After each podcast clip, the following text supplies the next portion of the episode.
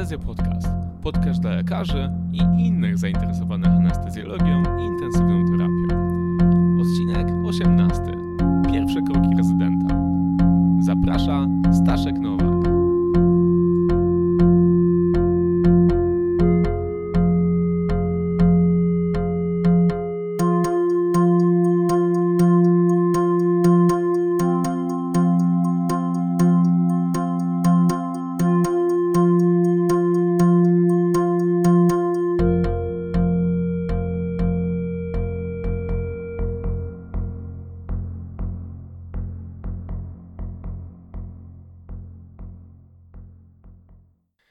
Cześć, z tej strony Staszek Nowak i witam w kolejnym odcinku Anestezja Podcastu.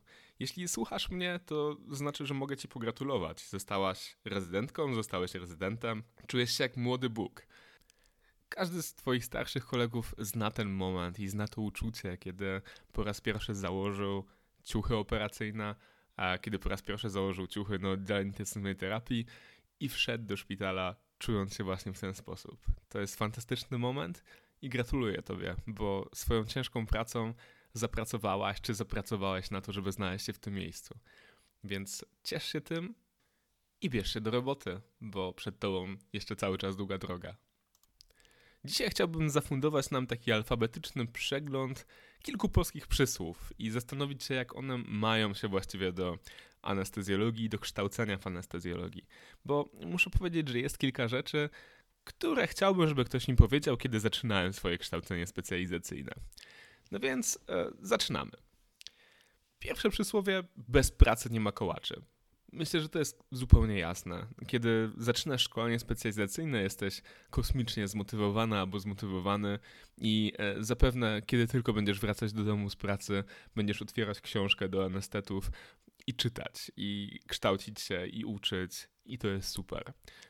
Czytaj i ucz się i kształć, bo anestezjologia to oczywiście specjalizacja, w której bardzo dużo zależy od tego, jakie masz obycie, jakie masz doświadczenie, co udało ci się manualnie już kilka razy w życiu zrobić.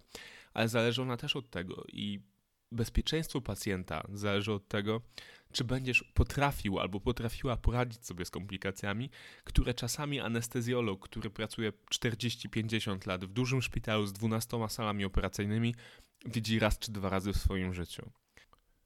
Drugie, co kraj to obyczaj.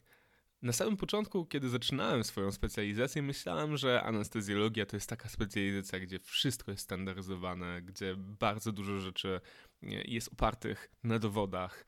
Natomiast później okazało się, kiedy pracowałem w różnych szpitalach, że wcale tak nie jest, że bardzo dużo zależy od lokalnego protokołu, bardzo dużo zależy od tego, kto uczył tych, którzy teraz uczą ciebie i bardzo dużo zależy też od tego, jaką gazetę anestezjologiczną, czy jaki magazyn anestezjologiczny czyta twój szef i jakie najnowsze doniesienia sprowadzi z różnych konferencji.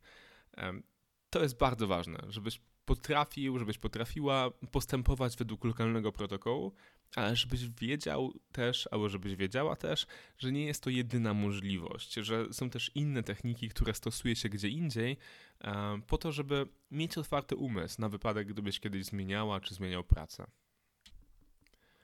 Po trzecie, kto pyta, nie błądzi. To chyba jedno z najważniejszych z przysłów, którym dzisiaj chcę się z Wami dzielić. E, na samym początku, kiedy zaczynałem swoje szkolenie specjalizacyjne, miałem czasami takie opory przed tym, żeby spytać o rzeczy, które wydawały mi się, że powinny być dla mnie oczywiste, ale nie były. Więc rada jest taka: jeśli coś nie jest dla ciebie oczywiste, to po prostu pytaj. Nie ma głupich pytań, są tylko głupie odpowiedzi czasami, ale miejmy nadzieję, że one nie zostaną tobie udzielone. Nawet najprostsze rzeczy na samym początku nie są oczywiste. To jest zupełnie normalne. Czasami połączenie tego, co robimy z e, fizjologią czy patofizjologią, jest naprawdę proste i oczywiste, ale dopiero potem, kiedy pierwszy raz usłyszymy, kiedy nam ktoś to powie. I to nie jest problem. Każdy, kto ciebie uczy, chętnie odpowie na twoje pytania i nie bój się pytać. Wszyscy anestezjolodzy, którzy pracują na twoim oddziale, to jeden zespół, dla którego najważniejszym celem jest bezpieczeństwo pacjenta. Po czwarte, jak sobie pościelesz, tak się wyśpisz. To jest bardzo ważne przysłowie, które, o którym często zapominamy, a zapominamy o tym tym częściej, im bardziej popadamy w rutynę.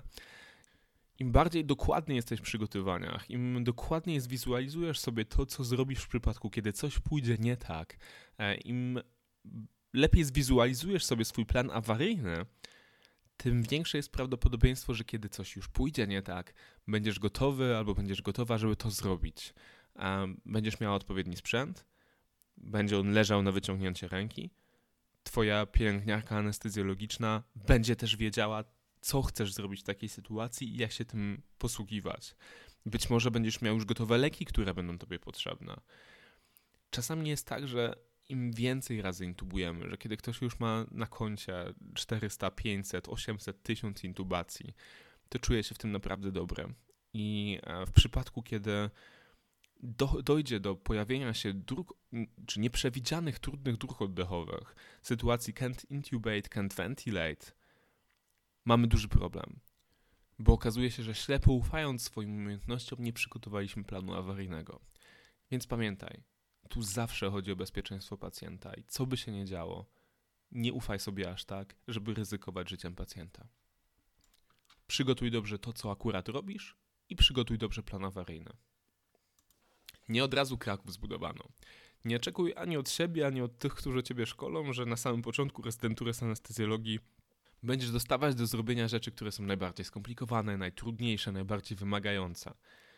Dojście do tego wymaga czasu najpierw musisz odpracować swoje na prostych operacjach, na małych operacjach ginekologicznych, na laryngologii czy gdziekolwiek indziej. Najpierw musisz nauczyć się dobrze zakładać węflony, dobrze monitorować pacjenta, dobrze używać maszyny do znieczulenia, żeby później móc przejść coraz dalej, zakładać dostępy tętnicze, zakładać znieczulenie regionalne, wejść w anestezjologię wysokich lotów. Ale nie wymagaj też od siebie wiedzy na poziomie specjalisty po pierwszych trzech miesiącach specjalizacji. Jeśli będziesz próbować zrobić wszystko naraz, nie będziesz mieć czasu na to, żeby utrwalać i porządkować wiedzę, którą zdobywasz. Nie opłaca się. Daj sobie czas. Co cię nie zabije, to cię wzmocni. W twojej pracy będą takie momenty, kiedy będziesz na siebie zły, kiedy będziesz miał do siebie pretensje, kiedy będziesz czuł, że mogłeś uniknąć jakiejś komplikacji, gdybyś zrobił coś lepiej. Czasem mógłbyś, czasem nie mógłbyś. Krzywa uczenia w przypadku większości procedur anestezjologicznych wymaga, żeby zrobić je przynajmniej kilkadziesiąt razy. Na przykład do nauki intubacji e, Europejskie Stowarzyszenie Anestezjologii mówi, że potrzeba 100 intubacji i przynajmniej 10 rocznie, e, żeby podtrzymać umiejętność intubowania pacjenta. Do niektórych procedur, które są związane z wykorzystywaniem USG, e, potrzebne jest 40 badań, żeby móc powiedzieć, że umie się to wykonać, umie się tam zobaczyć to, co, co jest do zobaczenia. Generalnie w przypadku większości procedur, o których mówimy, można powiedzieć, że potrzeba przynajmniej 10 do 20 prób, żeby móc o sobie powiedzieć, że wie się mniej więcej, jak to zrobić, co jeszcze nie oznacza, że potrafi to zrobić doskonale i z minimalnym ryzykiem komplikacji. Jeśli czujesz, że nie dajesz sobie z czymś rady, poproś kogoś o pomoc. To jest zupełnie normalne. Jeśli nie trafiasz z nieczulenia podpęczynówkowego po trzech ukłuciach, nie rób krzywdy pacjentowi, poproś kogoś, żeby tym się zajął. Widocznie są to trudne plecy, jest to trudny pacjent i potrzebny jest ktoś inny, żeby się wkłuć, ktoś bardziej doświadczony. Czasami jest nawet tak, że specjaliści nie trafią i potrzebują zawołać innego specjalistę i po prostu jest to kwestią szczęścia, czy ktoś trafi, czy nie. Nie miej do siebie pretensji, to jest kompletnie normalne. Dzisiaj nie trafiasz, daj sobie chwilę, daj sobie 10-20 prób i zaczniesz trafiać zdecydowanie częściej. Daj sobie 100 prób, a będziesz trafiał w prawie każdym przypadku. I ostatnie, co za dużo to niezdrowo. Pamiętaj, że praca to tylko praca. Żeby nie robić z niej centralnej osi swojego życia, żeby nie przejmować się nią więcej niż jest to naprawdę potrzebne. We wszystkich badaniach dotyczących wypalenia zawodowego anestezjolodzy są zasadniczo na górze, zajmują jedno z pierwszych trzech miejsc, jeśli chodzi o specjalizacje, które wypalają się zawodowo wielu z tych, którzy uważają, że są wypaleni zawodowo, czy podają się za wypalonych zawodowo, to są ludzie w ciągu pierwszych dwóch lat specjalizacji. Więc ten nacisk, ten, te takie bezkrytyczne wymagania wobec samego siebie powodują, że człowiek naprawdę czasem źle czuje się ze sobą jako z rezydentem. Znam też osobiście wiele osób, które w ciągu pierwszych dwóch lat specjalizacji, czy, czy nawet trochę wcześniej, zaczęli leczenie antydepresyjne to wszystko jest związane z wymaganiami, częściowo takimi, które stawiają tobie inni, ale też częściowo z wymaganiami, które stawiasz sam sobie. Daj sobie czas, daj sobie luz, ciesz się tym, co robisz. Jesteś lekarzem w jednej z najciekawszych i dających najwięcej satysfakcji specjalizacji. Ciesz się tym. Nie naciskaj na siebie. Bądź szczęśliwy. No dobrze, rezydenci, w tym miejscu na razie kończymy. W kolejnych e, kilku odcinkach na prośbę jednego z waszych kolegów e, chciałbym skupić się na tym, jak zaczyna się praca z anestezjologii, gdzie znajdziecie się w pierwszych miesiącach specjalizacji, czy w pierwszych tygodniach specjalizacji, co musicie wiedzieć, jak zabrać się za znieczulenie, jak z niego wyprowadzić, jakie leki mamy do dyspozycji na bloku operacyjnym. Na te wszystkie pytania postaram się odpowiedzieć powiedzmy do końca grudnia, a jeśli ty masz jakiekolwiek pytania, to napisz do mnie, skontaktuj się ze mną, napisz na Facebooku, użyj maila anestezjopodcast pisane łącznie at gmail.com. E, chętnie odpowiem na wszystkie pytania i chętnie wykorzystam wszystkie Wasze pytania do tego, żeby tworzyć kolejny odcinek naszego Anestezjo Podcastu. Róbmy tę robotę wspólnie, zachęcam Was do tego, a jeśli słuchacie mnie regularnie, wejdźcie na iTunes, wystawcie ocenę e, podcastowi, wejdźcie na Facebooka i udostępnijcie stronę, czy udostępnijcie to nagranie. Dzięki wielkie, słyszymy się w następnym odcinku.